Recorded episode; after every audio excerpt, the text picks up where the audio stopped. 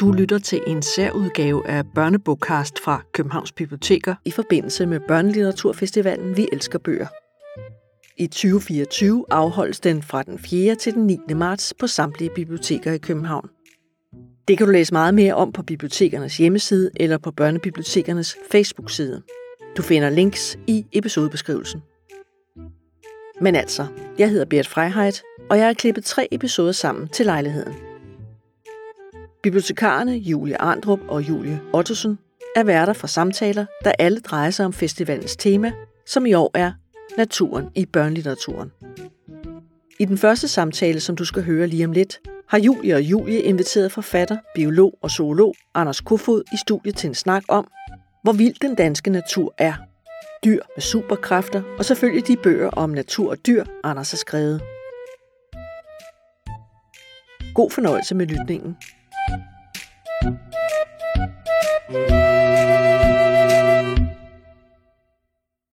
Velkommen til Københavns Biblioteker, Anders Kofod. Skal vi starte? Julie, du Ja. har en lang liste af spørgsmål. Det har jeg. Men jeg tænkte egentlig, at nu har vi øh, fundet ud af, at du er biolog og du er forfatter. Men nu er det ikke sætte nogle flere ord på, hvad det er, du laver. Ja, men det er s- sådan set i bund og grund det, jeg laver. Men jeg har jo gjort det til mit livsmål at formidle natur. Fordi det trænger den altså lidt til. Og det er sådan uden, ud fra sådan en lidt hemmelig skjult agenda, at jeg vil jo gerne have, at vi alle sammen kommer til at passe lidt bedre på naturen. Ja. Og, og så er det jo blevet sagt så smukt af en skovmand fra Senegal af alle steder, at når, det, når alt kommer til alt, så passer vi kun på det, vi elsker.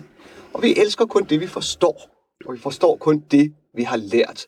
Og der kunne jeg jo se, der bliver jeg så nødt til at komme ind i billedet og lære så mange jeg overhovedet kan noget om den natur, vi har.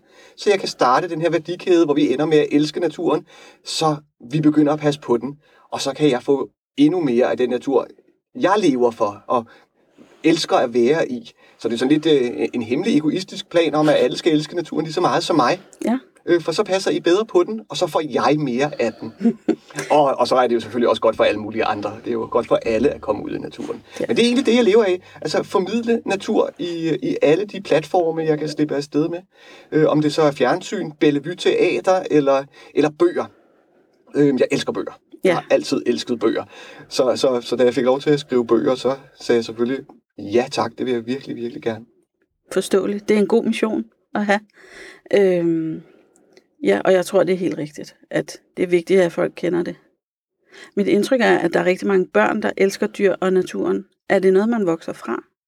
Øh, nej, men det er ikke comme il faut at sige det, når man er blevet voksen. Aha. Øh, vi elsker alle sammen dyr. Øh, Og det, og det ved vi jo godt fra kattevideoer på, på, på, på internettet. Men Sandt. hvad er det, der bliver set mest? Det er kattevideoer. Ja. Det, ja, og det er dyr. Hvad kan få folk til at blive så rasende, så de øh, tænder faklerne og, og går frem med høtyvene? Det er, hvis det er synd for et dyr. Vi reagerer meget stærkere på det synd for dyr, end for eksempel en krig i Mellemøsten. Mm. Og så så, så vi, vi holder aldrig op med det, men vi lader lidt som om, at vi holder op med det. Og så siger vi, at dyr og natur, det, det er til børn. Men det gør ikke mig meget, må jeg indrømme, fordi øh, det er meget nemmere at ændre børn. Børn er meget klogere, de er meget mere plastiske, de er meget mere nemme at påvirke. Øh, og, og, og, og så er det jo bare, det er jo smart. Ja. Så hvis du skal ændre en, der er er 85, jamen så, så får du en, en livsstilsændring på nogle år. Hvis jeg ændrer en på 5, jamen så får jeg jo 85 gode år, hvor, hvor, hvor, hvor jeg har gjort en forskel for Ja, nogen. det er så smart. jeg synes, det er dejligt at starte med, med, med børnene. Men jeg, jeg køber ikke he, helt ind på præmissen, at det kun er børn, der kan lide natur. Øh, men det, det, øh, det er åbenbart ikke sejt at sige som voksen, at man elsker natur. Så derfor bruger vi tit vores børn som en undskyldning for at elske natur. Men jeg er ligeglad med, hvad undskyldningen er. Bare vi gør det. Godt. Øhm, der er, du har, altså, nu snakker vi om alle de her bøger. Du har også skrevet sådan nogle øh, letlæsningsbøger øhm, med, jeg synes, jeg, var, jeg har lige læst dem, så jeg synes, det var meget øh, fint med kombinationen af noget fagligt, men også, at der er en, en historie. Øh, fordi det kan være svært for de der små at læse faglitteratur alt for tidligt, men de her står jo så... Nej, de står måske i faglitteraturen. Det tror jeg, de gør. Men jeg kan godt lide det der med, at der er en historie med. Hvordan kom det i stand? Og det er jo sådan noget med, hvad det dræber Marie Hønen, og Og de eksploderende ja. bladlus, ja. øh, og, og, og snyltevipsen og, og, og den skrigende kål og den slags ting. Men altså først og fremmest, fordi jeg, jeg, jeg har altid elsket bøger selv, og især fantasy-genren. Altså, og, og, og, og det, der måske indimellem har ærget mig ved fantasy-genren, det var, at den ikke var mere opfindsom. Fordi når man så går ud og kigger på den rigtige natur, så finder man ud af, at det er jo simpelthen så vildt derude. Det, der sker derude, at man nogle af de ting er så vilde, så hvis man skrev dem ned, så vil man sige, ja okay, det er fint nok med fantasi, men det kan også blive for overdrevet. Der er virkelig vildt derude. Ja. Men, men det er også som en, altså det er helt bevidst, at jeg blander narrativer med, med facts i, på, i, i, i alt, hvad jeg gør. Og det kommer så i virkeligheden lidt bizart af, at da jeg som barn læste Jumbo-bøger, så læste jeg engang en Jumbo-bog, hvor øh, Mickey Mouse, han er Christopher Columbo, øhm, og, og, og Fedtmule er så Amerigo Vespucci, eller hvad han nu hedder. Øh, og jeg kan den dag i dag huske Christopher Columbus tre skibe. Ja. Navnene på tre skibe. Hvorfor kunne jeg det? Fordi de var flettet ind i en narrativ ja. fortælling. Vi husker meget bedre, når vi får facts præsenteret på den måde. Og det ved vi jo også godt fra, fra, fra de gamle folkeeventyr. Jamen før vi havde, havde bøger og kunne skrive ting ned, så ville vi jo gerne kunne huske ting. Vi ville gerne have fortællinger, vi kunne give videre. Hvordan serverer man dem? Man serverer dem ikke med mammuten. Den kommer hver forår. Nej, man fortæller et eventyr om mammuten. En fabel om mammuten. Og på den måde lærer vi, hvornår mammutterne kommer. Og først og fremmest, vi husker det meget bedre. Så det prøver jeg at bruge aktivt, øh, når, når jeg skriver. Jamen, hvis jeg gerne vil have, at nogen husker noget om grønkål, så er flet det ind i en fortælling, så virker det. Ja. Hvis jeg bare siger en eller anden fakt om grønkål, jamen så er den ind af øret og ud af bevidstheden med det samme, fordi det, det, det er ikke sådan, vi husker ting, det er ikke sådan, vi bygger historier op. Ja, det, altså, jeg kan godt genkende det. Jeg har al min øh, historiske viden fra Jumbo-bøger. Ja, men det... og læste også den der om Christopher Columbus. Øhm, så det er, det er en super god idé at flette det ind i gode historier. Ja, og, og altså, jeg, har, jeg nåede også lige at dykke ned i, hvad hedder den, sy- Superkryb? Ja, som var min, min, min første bog. Ja, den er også virkelig skæg. Ja. Det var også, og, og, det, altså, det var igen lidt der lege med genrerne. Øh, jeg skulle egentlig lave, bare lave et opslagsværk om, hvor fantastiske insekter og, og smådyr er. Men, men, men det stod jo meget tidligt klart, jamen de evner, de har, det er jo dem, vi normalt ser hos Spider-Man, Superman, Hulk. Altså det er superhelteevner, mm. så hvorfor ikke sætte den ind i lige præcis den genre? De gode, gamle superhelte øh, tegneserier med Kapow og Chubang og hele baduljen. Øh, balancen er selvfølgelig, at det skal være rigtigt, det du skriver. Hver gang der kommer en, øh, øh en, en, en fact, skal den være korrekt. Ja. Fordi ellers så smadrer du dit, øh, din faglighed. Ja. Men, men derfra, så kan du egentlig godt understrege, hvor utrolig noget er ved at bruge et andet greb. Øh, og så synes jeg i øvrigt, at men helt ærligt, de superhelte, vi har udtænkt, de er jo fæsende sammenlignet med noget af det, der sker i din helt egen baghave. Øh, vi har, vi har dyr i vores egen baghave, der kan blive så rasende, så de eksploderer. Og så dræber de deres fjender. Hvad er det for et dyr? Det er en bladlus. Kan den bare eksplodere? Den, øh, ærtebladlusen kan eksplodere, så tager den en fra holdet. Okay. Og så jeg eksploderer, så, så, mine, så mine venner kan overleve. Og det er super smart, for dens venner er den selv. For det bliver jo endnu vildere. Bladlus kloner sig selv.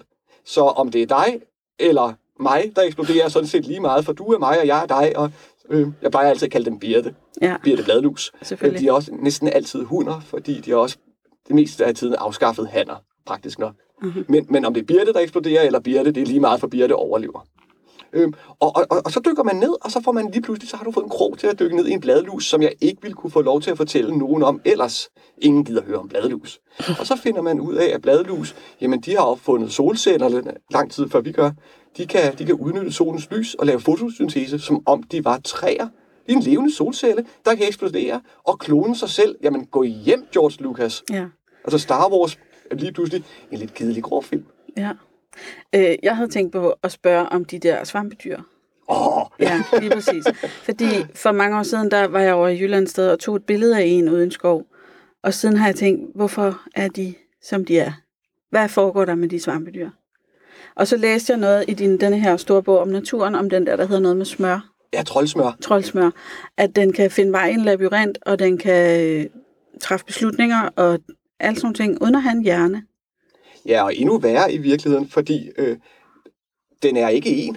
Nej, Den er tusinder. den er flere celler. Ja, jamen, den er ikke flere celler. Den er teknisk set flere individer, som smelter sig sammen, når der er behov for det, og danner et superindivid. Øh, og, så- så, altså som, som sammenligning af, alle københavnere besluttet sig for, nu har vi en ret stor opgave at løse. Vi smelter sammen som et kæmpe københavnervæsen, Okay. og så løser vi problemer derfra. Hvilket så betyder, at nogen skal så tage beslutningerne, og nogen skal løse nogle andre opgaver. Men når problemet er løst, så kan den opløse sig selv igen, og splitte sig ud i enkeltdelen igen, som så er hver, er hver deres eget individ er forkert at bruge, når, når, når, det, er, når det er svampedyr. Ja. De, de er så bizarre. Men hvad tænk- laver de? Altså, de lever. Jamen, de, de, de lever, og så løser de de udfordringer, som alt levende jo engang imellem har. De skal, de skal overleve, ja. de skal finde mad, de skal forplante sig på den ene eller den anden måde, enten med sex eller bare ved at kopiere sig, og så er det liv ligesom gået i bund og grund, ligesom alle os andre. Det, det er det, alt gør. Det er vidunderligt. Ja, men de er fantastisk fede, netop fordi, at man kan, man, man kan lave labyrinter til dem, man kan, kan lokke dem afsted med, med havregryn, så kan man Ja, det skal at lave mønstre. Jeg skal have havregryn med i lommen næste gang, jeg skal i skoven. Og tålmodighed. Ja, ja. Fordi det, det, det, det, det, det er ikke sådan, mens man ser det. De, de, skal, lige, de skal lige bruge nat på at ko- kravle lidt afsted. Ikke? Okay. Ja, det, er, det er meget vildt. Ja, og det er herhjemme. Og Ja. det, det er også en vigtig pointe for mig, at, det er, at vi har tit den her forestilling om, at vi skal til Serengeti, eller Great Barrier Reef, eller Amazonas regnskov, for at se fantastisk natur. Men, men de ting, vi har herhjemme, de er jo ikke mindre værdifulde, og de er heller ikke mindre vilde. Det er jo, det er jo helt bizart, hvad der sker i Danmark. Vi har ikke særlig meget natur, fordi vi har puttet marker på det meste mm. af Danmark. Men den øh, rest, vi har tilbage, den er jo ikke mindre fantastisk, end, end hvad der ellers er, er derude. Øh, og det er jo sådan en agenda, jeg har, at når man opdager det, så vil man måske nok gerne have lidt mere af den. Ja. Så bliver man måske lidt træt af gnuer og tænker, jamen jeg vil da i virkeligheden hellere have en ærehøne. Altså, der kan man jo lave meget af sin egen baghave. Ja. hvis man øh, lige lader det blive lidt vildt. Ja, og, og det er så nemt. Ja, Det er så dejligt med problemer, der er nemme at løse. det er det. Havearbejde, der ikke skal udføres, det er det bedste form for havearbejde. Det er vidunderligt. Man kan jo også øh, tage et kig i Naturen kalder, som er en bog, du også har skrevet. Ja, med, med, med selveste Sebastian Klein. Øh, og børn bliver altid så begejstrede, når jeg kender Sebastian Klein. Men han er altså også værd at kende. Han er, han er virkelig dygtig, han er virkelig skarp. Og det var fedt at lave en bog øh, sammen med ham, øh, fordi at man lige pludselig ser ting fra en anden øh, vinkel. Vi er jo begge to nørder på det her område, det tror jeg ikke overrasker nogen. Øh, så jeg troede, at vi vidste nok nogenlunde det samme. Men det gjorde vi ikke. Vi kom med forskellige tanker, forskellige projekter og forskellige idéer. Og så var det sjovt igen at lege med, med genrerne. Vi besluttede, i stedet for at lave sådan en klassisk naturbog, så ville vi lave en kogebog. Sådan med opskrifter og ingredienser, og sådan gør du på, hvordan man får øh, naturoplevelser.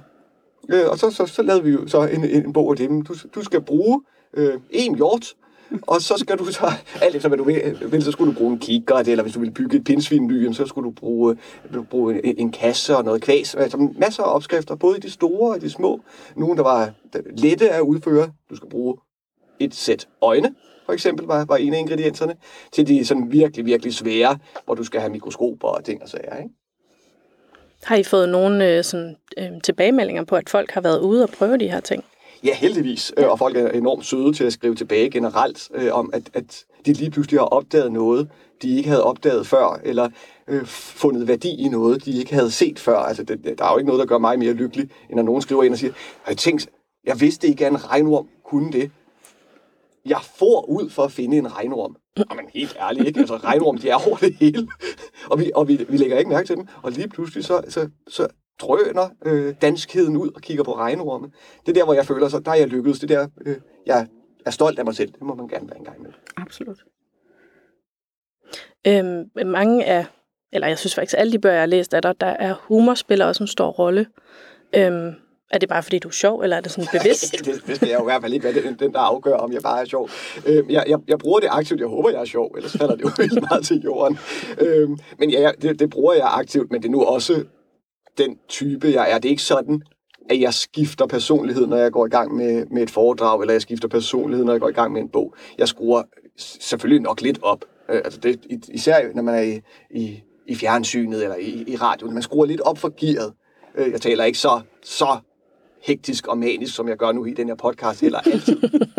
så jeg, jeg, jeg, kan, jeg kan sagtens være stille. Ja. Men, øh, men, men det er jo mig, man møder, og det, det skal det jo også være. Det, det, der er ikke noget værre, end at skulle tage, tage en rolle på, som man ikke er. Men det er klart, så får de et ekstra nyk. Det vækker også folk lidt, ikke? Når man sidder... Nu, jeg sidder og læser den her kæmpe store øh, bog om naturen. 250 fantastiske dyr og planter osv. Øh, så tænker man, at det er en tyk, tyk bog om dyr. Og så pludselig er der en sjov sætning. Så bliver man lige vækket lidt, til man, okay, det kan også være skørt med de der skorpioner. Ja, eller som svampedyret, der selv bestemmer, hvor, hvor stor den er. Ja. Det er da også sjovt. Det er sjovt. Ja. ja. Men det vil jeg også meget gerne. Og så vil jeg gerne bruge sproget. Vi har sådan et dejligt sprog på dansk, ja. og vi bruger så få af ordene. Øh, det kan man lige så godt. Altså, og den klassiske måde at beskrive dyr på, jamen det er jo, hvor mange millimeter er den, hvor meget, mange gram vejer den, og hvilke farver har den. Og det er da også fint nok, men det er også lidt fattigt. Jeg kan godt lide den der beskrivelse, hvor man egentlig har fået beskrevet dyret, men hvor man tænker, det kunne man ikke sige om den. Øhm, jeg øh, har, har prøvet altså indimellem at se, hvor, om jeg kunne udfordre mig og sige, jamen, hvordan kan jeg på den mest vanvittige måde beskrive et dyr, så når man ser det bagefter, så er det fuldt genkendeligt, men i selve beskrivelsen, så bliver man forvirret. Og der er, der er, en, der er en australsk øh, øh, søhest, der hedder en pjaltefisk. Verdens fedeste dyr. Ser så vanvittigt ud, og så har vi på dansk givet navnet pjaltefisk. Og det er jammerligt. Så tænker jeg, hvordan kunne man så ellers beskrive den? Og, og, og, og nu, nu har jeg givetvis ikke set den. Jeg håber ikke, I kender den. Men jeg kan fortælle, at den ser ud som om, at en børnehave har tegnet et dyr, mens de var på sukkerchok, og blevet tvunget til at bruge alle farver i farveladen. Det er en pjaltefisk, og når I slår den op bagefter, så vi ser, at jeg har ret. Men I vil nok ikke ud fra den beskrivelse kunne tegne den selv nu. Nej. Men, men, men den vækker en nysgerrighed, ikke? Og man tænker, den vil jeg da egentlig gerne se. Jeg håber virkelig, at dem, der lytter med nu her, tænker, jeg bliver altså lige nødt til at google en pjaltefisk, for ja. at se, hvordan et dyr tegnet af en børnehave på sukkerchok med alle farver i farveladen egentlig ser ud. Vi bliver nødt til det i hvert fald bagefter. Men kan man så... Nej, man kan ikke få, øh, hvad hedder sådan noget, givet dyr nye navne. Kan man det? Hvis nu, at det er kollektivt besluttet, den hedder bjallefisk. Det er svært, ja. øh, fordi øh, at der er en øh, enorm træhed og energi øh, i, i, verden, og især i, i videnskabens verden. Ja. Øh, og og det, det, der bliver faktisk skændes en hel del om fordi nogle af de navne, vi har givet dem, er de decideret håbløse, og, og, og, og meningsfordyrende præriehunde er ikke hunde, for eksempel. Ja. Øh, og så bliver, nogle gange bliver det bare decideret fjollet, de navne, vi har givet dem. Øhm, men har man fået et navn, så, så generelt så, så hænger man på den. Der er ikke meget numerolog ude i dyreverdenen. Nej. Må, må, må vi jo indrømme. Men mange af dem må have fået deres navne i såkaldt gamle dage af nogen, der bare har været lidt friske. Der er ja, freestylet. ja, der er jo ikke nogen regler for det. Der er ikke, der er ikke et navnenævn. øh, typisk så er det jo sådan, at, at, at dem, der ved mest om det, de giver dem navnet. Ja. Øhm, og, og de fleste navne, de er allerede givet. Så der er, altså, løbet er kørt for hjort og ko. Sådan er det. Ja. Men så dukker der jo nye æderkopper op, eller nye sommerfugle, eller nye guldsmede. Og så er der nogen, der kan give dem navnet. Og der er altså sådan en, en, en stiltigende aftale om, at så skæler man lige hen til dem, der ved mest om det, mm. og så får de lov til at give dem øh, det, det nye populære navn. Man kan ikke bare opkalde den efter sig selv, for eksempel. Øh, nej, men det, når det kommer til de videnskabelige navne, så øh, bliver det også sådan lidt... Det er ikke, igen, at der er ikke noget øh, nævnt som sådan, men det er meget sjældent, at man slipper afsted med at give dem sit eget navn. Til gengæld kan man, øh, hvis man er heldig, øh, øh, få den enorme ære, at andre giver den ens navn. Øh, og det er noget, man, øh, man, man virkelig skal gøre sig, gøre for, sig fortjent til. Ja. Man kan sige, der er ret mange øh, dyr derude, der har et efternavn, der minder lidt om Darwin, for eksempel. Han har fortjent det. Ja. David Attenborough har, har, har fået, men Bob Marley for eksempel har også fået dyr opkaldt øh, efter sig. Hvad er det for et dyr? Jeg kan simpelthen ikke huske, hvad, hvilken en det er. Det googler vi også. Det, det, må, jeg, det, det må jeg gøre. Ja. Jeg, jeg kan huske, der er en, øh, en øh, springederkop fra det nordlige Australien, der ligner Bob Marley helt utrolig meget med dreadlocks og hele baduljen, men jeg kan faktisk ikke huske, om den har fået navn efter ham, hvis jeg skal være Det ærlig. har et kælenavn måske. Jeg kommer til at tænke på den der, øh, hvad hedder den, tangloppe, Nå ja, en tangloppes øh, erindringer. ja, om en, en mand, der har fundet en ny tangloppe. En eller anden gammel mand ja. oppe i Sibirien, der sidder og forsker i tanglopper. Og så finder han en ny. Ja, og hvad skal den hedde? Vi sætter den på listen, ikke? i Jo, artiklen. det gør vi. Øh, meget flot illustreret af Anna Margrethe Kærgaard. Ja. ja. Det er en sjov bog. Men det er jo også det største øh, i, i, i min verden, det er jo at opdage en ny art. Øh, øh, nummer to er en ny art for Danmark. Ja. Øh, men hvis man opdager en helt ny art... der Sker det stadig i Danmark, man finder nye? Ja, og de mest paradoxale steder, der er lige blevet fundet en, øh, en ny en i Randers Regnskov. Det er også lidt snyd, fordi man nok har fragtet den med fra et andet sted, men ikke beskrevet før, heller ikke i, i, i Sydamerika, hvor den kom fra. Okay. En ny fuglederkop. Så, så, så den får givetvis et eller andet navn, der minder om Randers, kunne jeg forestille mig. Jeg har ikke fået tjekket op på, hvad det egentlig var for et latinsk navn. Skørt. Men, men, men der vil også stadigvæk kunne findes nye dyrearter i Danmark. Øh, men, nok, men nok ikke mange, og, og helt sikkert nede i det små. Men øh, jeg, jeg ved for eksempel, at øh, snyltesvampe, der er opdaget nogle, nogle danske arter, og bjørnedyr, der har vi nogle, øh, der også er opdaget i Danmark. Okay. Og så nogle gange, så er der dyr, der ligesom øh, forsvinder, og man tror, det måske er uddød, og så dukker det op igen 50 år senere. Ja, Hvad sker der for det? det betyder jo i virkeligheden, at vores, øh, det illustrerer meget godt, at vores viden om verden er meget ringe. Ja. Øhm, der er jo desværre også mange, der forsvinder, og så har vi bare ikke opdaget det, fordi vi nu ikke engang har opdaget dem før, at, at de var væk. Ja. Men, øh, men verden er gudske tak og lov stadig stor, øh, og vi har ikke set det hele endnu. Så derfor kan man godt forsvinde i lang tid. Det er, øh, det er sværere nu, end det var i, i gamle dage, fordi der er ikke meget natur nogen steder. Mm. Og, og slet, slet ikke herhjemme. Det kommer ikke til at ske i Danmark. Det, så- det tør jeg godt sige. Vi har 2% vild natur i Danmark. Ja. Der er ikke nogen steder, hvor man kan gemme sig. Hvor er de henne, de 2 procent? Ja, men de er lidt løseligt fordelt rundt okay. på lidt skove i, øh, i, øh, i, i, i Sydjylland. Der, der, der har vi lidt af klippesprækkerne over på Bornholm. Ja. Øhm, og det er i bund og grund det. Så har vi jo oprettet nogle forskellige beskyttede naturområder, men det er meget, meget, meget lidt. Så sådan lidt øh, drøbvis øh, ud over det hele. Øh, det, er den, det, er den, det er den beskyttede natur. Så har vi jo, hvad vi vælger at kalde natur, nogle af de, øh, de større statsskove. Men, øh, men sådan set ud fra et biologisk synspunkt, så er de jo ikke vanvittigt naturlige. De er bedre end ingenting. Altså, de er bedre end en parkeringsplads. Jo, jo, jo.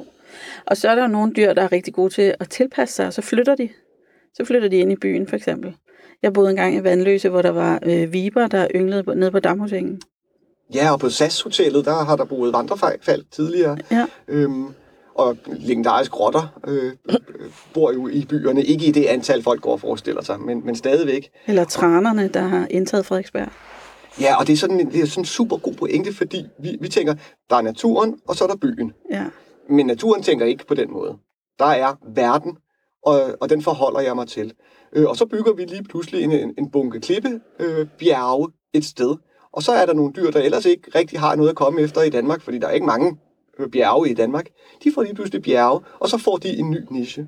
Og så samtidig, fordi at, at de her store byer, de er jo lidt varmere end, øh, end resten af landet. Jeg har også lagt mærke til, da jeg kørte herind i dag, at temperaturen faldt halvanden grad, og jeg kommer altså kun ud fra Harskoven. Jamen, der er næsten aldrig sne herinde. Nej, det er det nemlig ikke. Det er det- meget varmere. Det gør, det, det gør at vi kan få nogle, øh, nogle andre arter til at overleve herinde. For eksempel kakalakker.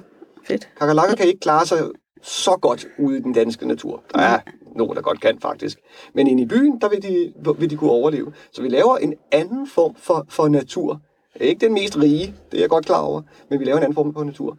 Og det bliver vi også bare nødt til at forholde os til, om vi kan lide det eller ej. Mm. Vi kan ikke slippe væk fra naturen. Det er ikke sådan, vi siger, nej, men i dag går jeg ud i naturen. Det gør vi hver dag. Og hver eneste dag er vi naturen. Og det er også derfor, jeg indimellem fortæller lidt om de, de dyr, der bor på os. De væsener, der bor på os. Vi er jo vores eget lille bitte økosystem, der har sin- der, sine, sine egne indbyggere. Lige nu sidder vi jo alle tre her med, med, med små hudmider i, øh, i øjenbryn og øjenvipper. det er der mange, der ikke kan lide. Men der skal I ikke så meget at gøre ved det. Det er Nej. bare sådan, det er. De skal vi vel også være der, så. Altså, ja, de gør ikke noget. øh, De gør ingenting. Altså, Har de et job? Altså, Der er ingen, der har et job. nej, Men jeg er glad for spørgsmålet, fordi ja. Jeg får det rigtig tit. Der er, der, det, det, er der er meget tit, hvad er meningen med? Ja. Det er altid, hvad er meningen med noget, jeg ikke kan lide. Men det er vel også om, sådan, hvad, øh, hvad er meningen med en, en, en, en, en kaninunge? Ja. Den har heller ikke nogen mening. De er. Livet, livet lever. Og det er det, dets mening, og det er heller ikke en mening. Det er også en, en sjov tanke, ikke? Fordi øh, kunne de så lade være med at leve op til deres mening? Kan man forestille sig, at en ko, der på dommens dag står foran den skækkede herre og siger, ja, jeg er ikke sikker på, at jeg levede op til min mening. Og han giver, nej, du var ikke god. altså, du var simpelthen ikke god nok. Det er jo noget fjolleri. ja, det er det. Øhm, så, så, så der er ikke nogen mening med, med, med dyrene. Der er ikke nogen øh, funktion. Nej. Der er en overlevelse. Og den overlevelse påvirker så andre dyrs overlevelse. Og nogle gange påvirker den vores overlevelse, og så siger vi, at den har en mening. Og hvis det er noget, der, den gør noget godt for os, så er det en god mening, og hvis den øh, øh, gør noget dårligt for os, så er den sjovt nok meningsløs. Næsten altid myg. Hvad er meningen med myg? Ja. Ikke noget. Nej. Hvad, hvad, hvad, hvad er me- meningen med en panda? Nøjagtigt. Ej, det er jeg glad for, at du spørger om, fordi mit hadedyr, det er pandaer. Alle folk, de elsker det skøre dyr så meget, og vi gør så meget for, at den skal overleve. Og jeg har det lidt, prøv at høre, den prøver jo aktivt på at uddø. Lad den dog gøre det i fred. Den, hvad har den ægløsning været andet år eller sådan noget, ikke? Det er bizarrt. Og så skal den vandre gennem de der bjerge i Kina og dufte sig frem til en partner, som den ikke bor sammen med. Og så er det sådan lidt, ah, han kigger forkert på mig. Nej tak, jeg gider ikke alligevel. Så går der to år igen, eller hvor lang tid det nu er. Så føder den tvillinger, der er sådan på størrelse med sådan nogle ostepops, som den så ligger i ihjel, eller altså, hvad ved den? Jeg forstår det slet ikke. Og hvorfor? Er det bare fordi, den har de der øh, store sorte øjne, vi synes, den skal overleve? Og jeg så den inde i Zoo for nylig, hvor den bare lå og sov oven i sin egen lort. Ja, den er panda. Det skal jeg love for, den er. Men, men, det, men det er, og det er sådan et smukt eksempel på, øh, på, på det, der får mig til at grine allerhøjst. Det er, når vi snakker om intelligent design. Ja. At det skulle være intelligent designet. Helt ærligt, har du set en kalkun? Nej, det er ikke intelligent designet. Det er meget, meget uintelligent designet. Ja. Det er nemlig ikke designet. Og, og, og, men pandaen har åbenbart været god nok. I hvert fald indtil nu, for den er her endnu kan man sige. Men jeg er øh, enig i, det er noget jammer, når man har den i fangenskab. Altså i, i, i Kina har man jo decideret produceret panda-erotiske film, Ja. for at vise dem, hvordan pandaer parer sig, for de ikke kunne finde ud af det selv. Så skal du sige, det er sådan, du skal gøre. Den vil jo ikke leve. Nej, men den gør Altså, det jo alligevel. Den ja. er her endnu. Det er i øvrigt en succeshistorie. Det er jeg ked af at fortælle dig, når du ikke kan lide den. Men, Det er okay. men, men der Jeg går flere den. og flere pandaer. Vi er nu begyndt at rykke den op af rangstigen over truede dyr, hvor den, så den er mindre øh, truet, end den var. Stadig truet, men meget mindre, på grund af en enorm indsats. Ja. Og det er jo fordi, at den havde de her mørke øjne. Men endnu vigtigere, det ser lidt ud som om, den har to ben og to arme i stedet for fire ben. Vi kan bedst lide dyr, der har to ben og to arme. Ja. Dyr, der sætter sig op på bagbenene og løfter forpoterne ud.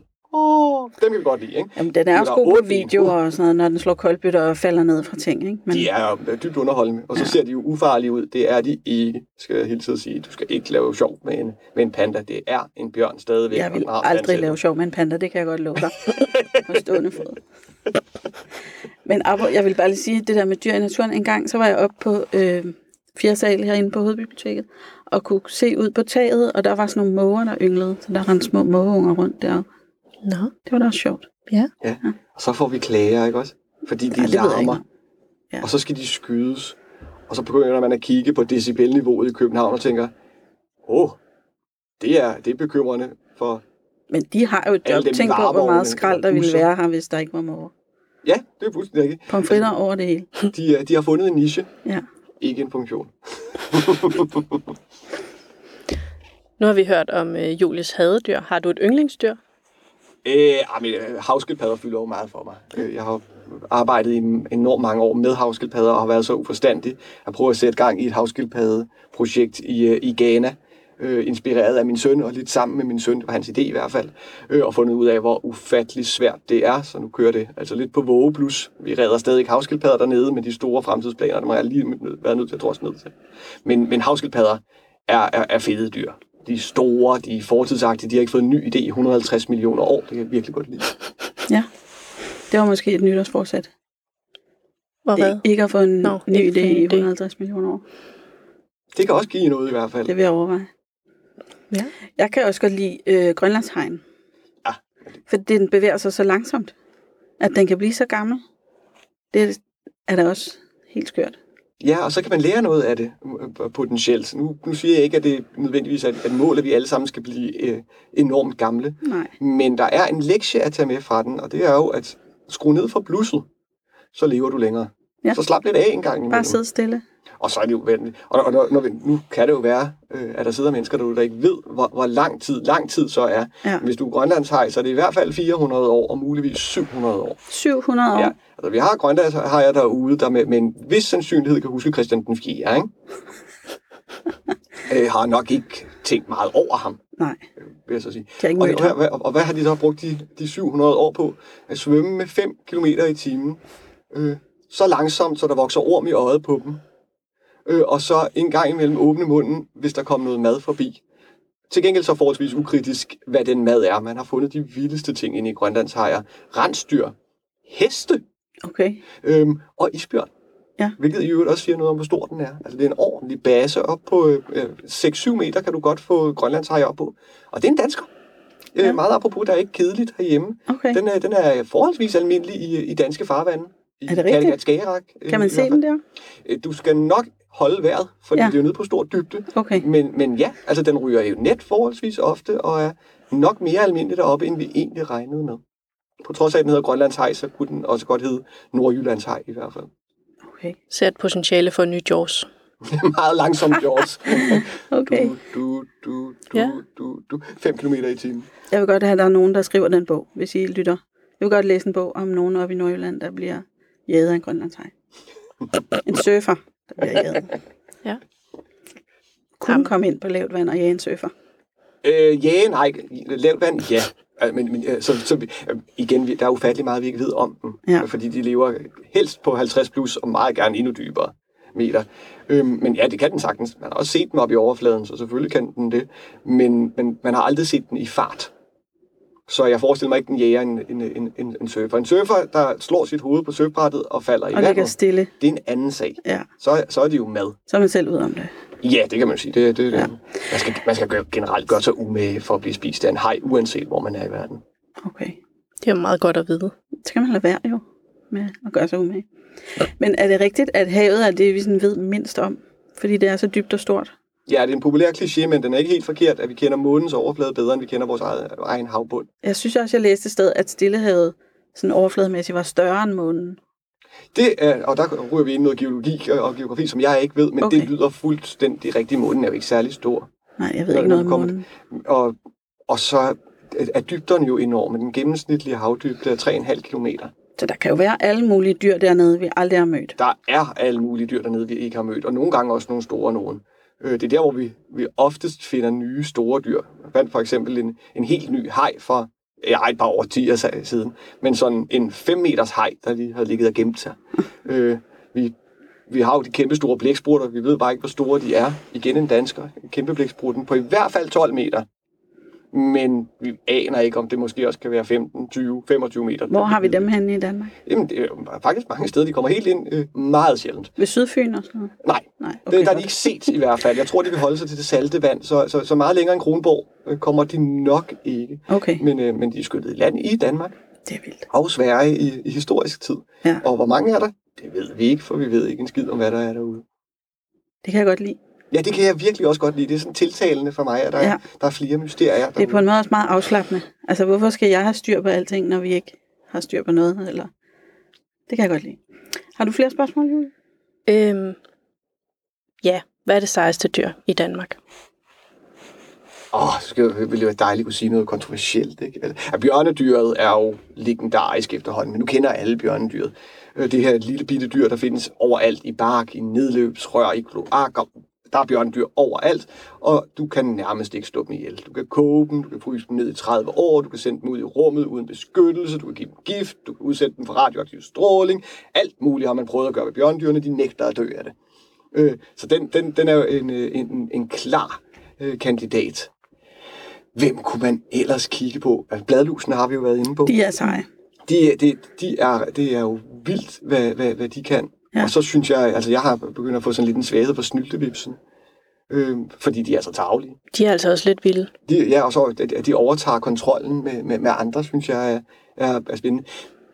Men måske myrer. Myre, ja. Myrer er, er, er, er jo også i bund og grund virkelig vanvittige. At nogle af dem kan skyde syre ud af bagdelen. Det er jo i sig selv en, en fabelagtig ting at kunne. Men øh, de holder slaver. De, de, de, de dyrker husdyr. Bladlusene igen. De laver hegn rundt omkring deres, øh, deres husdyr. Ikke elektriske hegn, nej, kemiske hegn. De doper dem simpelthen, de laver bedøvelsesmiddel rundt om deres husdyr, så når de små bladlus kommer hen til, til kanten af marken, så bliver de helt sløve og mister lysten til flugt, så kan de blive samlet igen. Og når det bliver vinter, så tager myrerne deres bladlus, så gnaver de små stalle i barken på træer, og så kommer deres bladlus på vinterstald. Øh, I andre lande har man da set, at der er øh, myrer, der holder blade hen over deres bladlus, når det regner, så får de ligesom en paraply. Det er da meget så, så de, de kunne snilt være en kandidat. Myrer er ret vilde. Ja. Julie, så har jeg et spørgsmål til dig. Hvad er det sejeste dyr på Fyn? Det ved jeg ikke. Det er hjorten. Sjovt. Har du flere spørgsmål? Nej. Øhm, Anders, hvis man nu gerne vil øh, følge dig, eller vide mere om natur gennem dig, hvor skal man så følge med hen? Ja, men det er jo så moderne at være på SoMe, så jeg er selvfølgelig både på Facebook og Instagram. Øh, så det, det, der kan man jo starte. Så er jeg jo i ny og i næ, øh, også i Godmorgen Danmark. Øh, så der, kan- der kan man jo se. Men det er nok et meget godt sted at finde mig. Jeg har også en hjemmeside, som bliver opdateret lige præcis så ofte, som jeg husker det, og derfor ikke så tit. men, øh, men der står i hvert fald lidt forskellige øh, detaljer. Men ellers så skal man jo, øh, man skal jo ikke nyde mig. Man skal nyde naturen. Ja, det er Øh, så det er den, man skal ud i. Øh, og, og så må man gerne hilse, øh, når man har været ude i den. Læs Ja. nogle bøger om den, og så tage bøgerne med derud. Ja. Det er faktisk fedt at sidde i naturen og læse. Det kan vi anbefale. Og vi kommer også til øh, at lave en artikel med alle Anders' bøger og tangloppe, ek- erindringerne, Ja, ja. hvad vi nu har talt om. Ja. alt hvad vi har talt om. myrejagten med. Myrejagt. Det er ikke min. Øh, men den er virkelig god, hvis du kan lide myrer. Og, og det er også eksperimenter, man selv kan lave med myrer, så man kan opleve den lidt på tættere hold. For nogle år siden, der var sådan et øh, projekt på landsplan, tror jeg, med at man skulle tælle myrer. Ja. Min datter sad ude på terrassen og talte myrer en hel dag. Præcis, og den bliver til bogen Myrejagten. Er det den? Ja, Ej, hvor og det er, jo det, det, er jo, det er jo det, der er fedt. Det er citizen science. Det Ja. er, hvor, hvor helt almindelige danskere bidrager til, at hele verden bliver klogere. Eller i hvert fald hele Danmark bliver klogere. Og det er jo ret fedt, fordi så mange forskere er der heller ikke. Og lige pludselig har man adgang til 5,7 millioner forskere, hvis, øh, hvis man kan motivere dem til det. Nå, det er meget sejt. Det er en rigtig god idé. Øhm, og så tænker jeg lige, vil- hvis der sidder en, en forfatter derude, der tænker, at de gerne vil skrive en superheltebog, så øh, vælg en superkraft fra Superkryb. Ja, helt klart. Vild søpølsen. Ja. Eller sådan en apokalyptisk roman, hvor det er den der, øh, det der svampedyr, der selv kan bestemme, hvor stor den bliver. og så bliver den bare rigtig stor. Og overtager verden. The Blob. Jamen, øh, tusind tak, Anders Kofod, for en øh, behagelig og underholdende samtale Ja, tak. om øh, verdens fedeste emne.